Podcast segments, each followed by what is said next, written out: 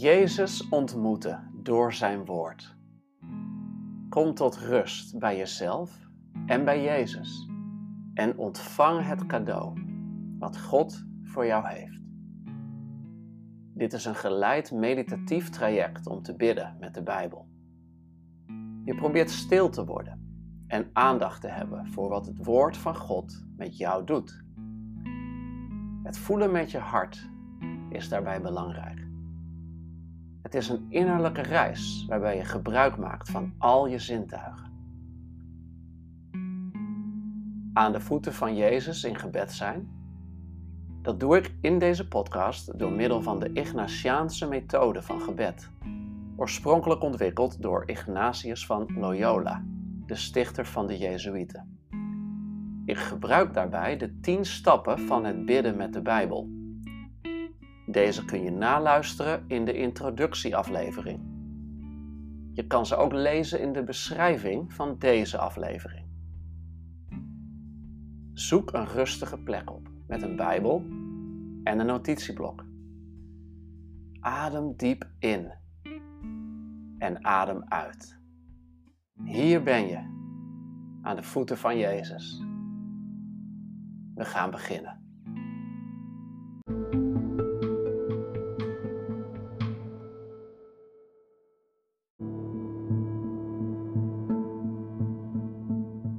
Het onderwerp van vandaag is religie dood, relatie maakt levend. En ik lees uit Lucas 6, vers 1 tot 11 uit de NBV-vertaling. Toen Jezus op Sabbat eens door de korenvelden liep, begonnen zijn leerlingen aren te plukken. Ze wreven die stuk tussen hun handen en aten ervan. Enkele fariseeën zeiden echter, waarom doet u iets dat op Sabbat niet mag? Jezus antwoordde, Hebt u dan niet gelezen wat David deed toen hij en zijn metgezellen honger hadden? Hoe hij het huis van God binnenging, de toonbroden nam, ervan at en ze uitdeelde aan zijn mannen, ook al mogen alleen de priesters van die broden eten. En hij voegde eraan toe: De mensenzoon is heer en meester over de sabbat. Op een andere sabbat ging hij naar de synagoge waar hij onderricht gaf. Daar was ook iemand met een verschrompelde rechterhand de schriftgeleerden en de fariseeën letten op hem om te zien of hij op Sabbat iemand zou genezen, want dan zouden ze hem op grond daarvan kunnen aanklagen.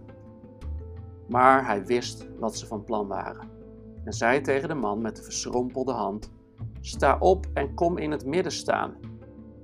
Dat deed de man. Jezus zei tegen de fariseeën en de schriftgeleerden: Ik vraag u of men op Sabbat goed mag doen of kwaad, of men een leven mag redden of verloren laten gaan.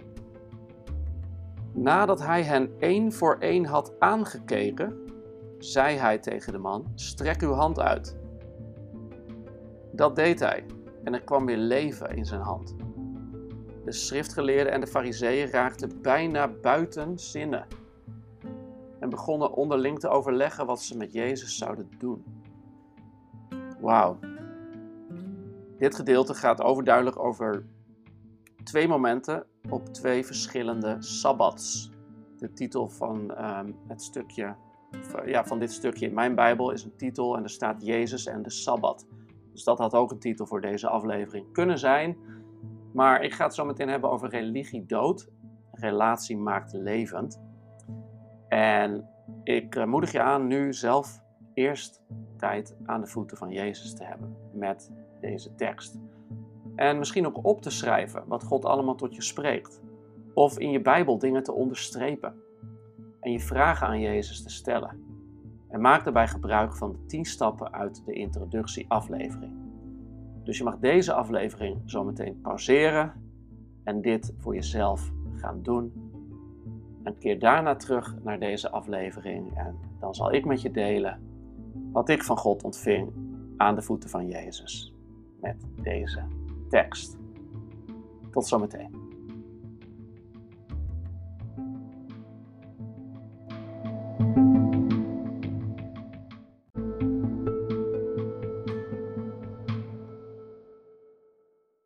Ik geloof dat je een mooie tijd hebt gehad met de tien stappen van het Ignatiaanse gebed met deze Bijbeltekst. En dat je echt iets persoonlijks hebt ontvangen of nieuwe dingen hebt, hebt geleerd. En dat, eh, ja, dat jij dicht bij Jezus kon zijn en dat je Jezus beter hebt leren kennen. Hey, als we het vers voor vers nu uh, doorgaan van boven naar beneden, ja, dan uh, wil ik graag met je delen wat ik ontving. Je ziet hier eigenlijk twee stukjes. Hè? Toen Jezus op Sabbat is vers 1 en dan op een andere Sabbat is vers 6. Dus dit zijn twee verschillende Sabbats. En in beide gevallen is er uh, een uh, aanvaring met de Fariseeën. Nou, daar ging de vorige aflevering ook over, hè, want toen was er ook een aanvaring. En toen ging het over het nieuwe versus het oude. en dat die Fariseeën niet open waren voor Jezus en voor het nieuwe wat Jezus kwam brengen. En dat ze vastzaten aan allerlei uh, door mensen bedachte regeltjes en constructies. Die helemaal niet te, te maken hadden met het hart van God en het hart van het verbond, maar die gingen om de buitenkant. Nou, en dat zien we hier ook weer.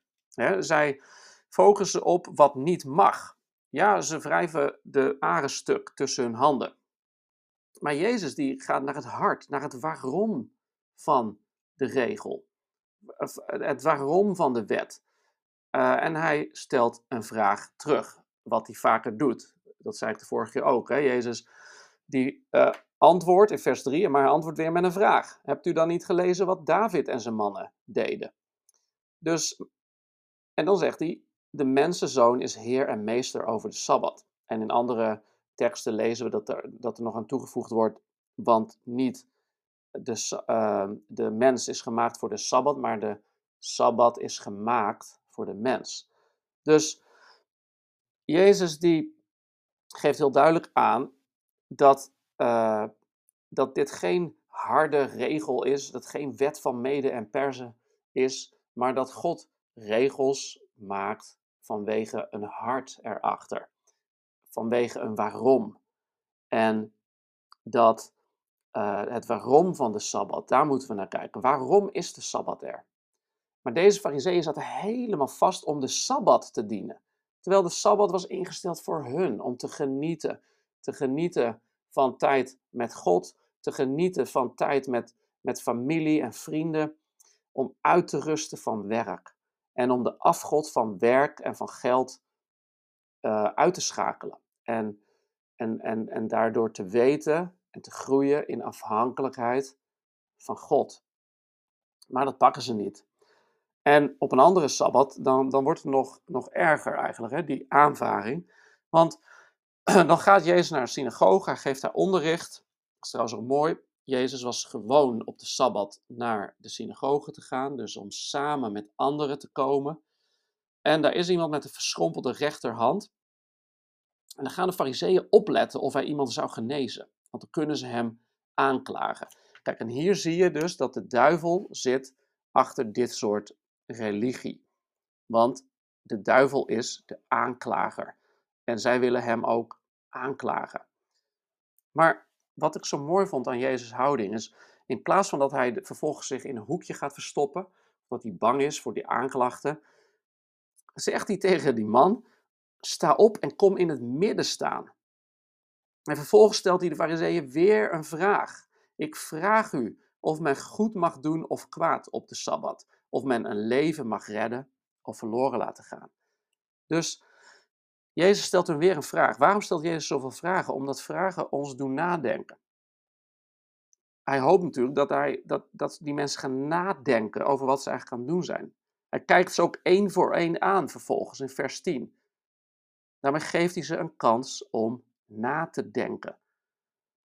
Dus wat mij uitdaagt toen ik dit las is, durf ik het leven van Jezus te brengen, ook al kijken er allerlei priemende ogen naar mij.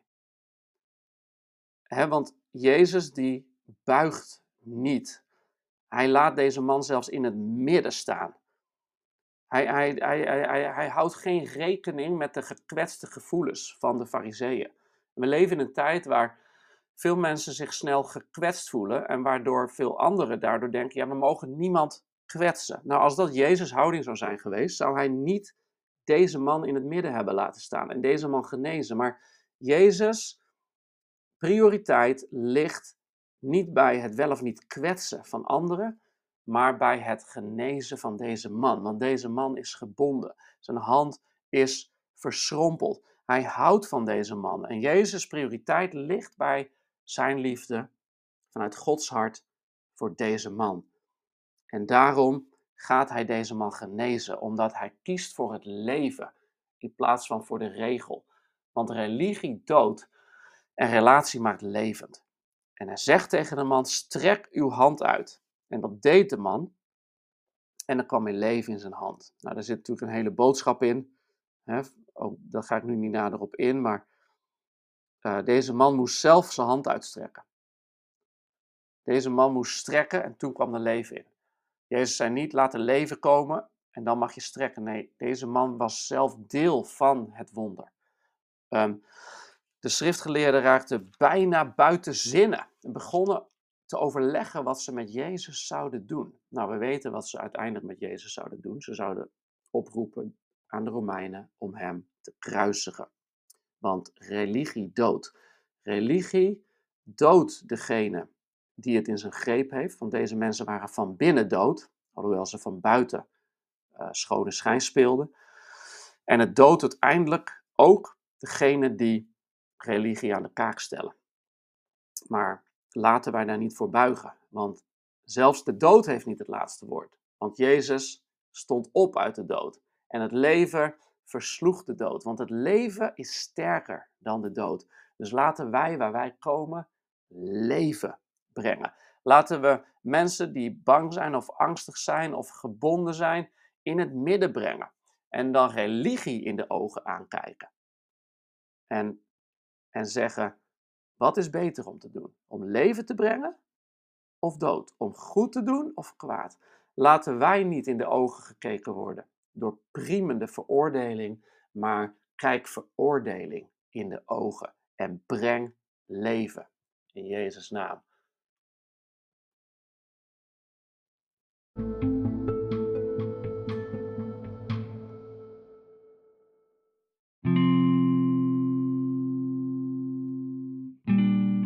Bedankt voor het luisteren.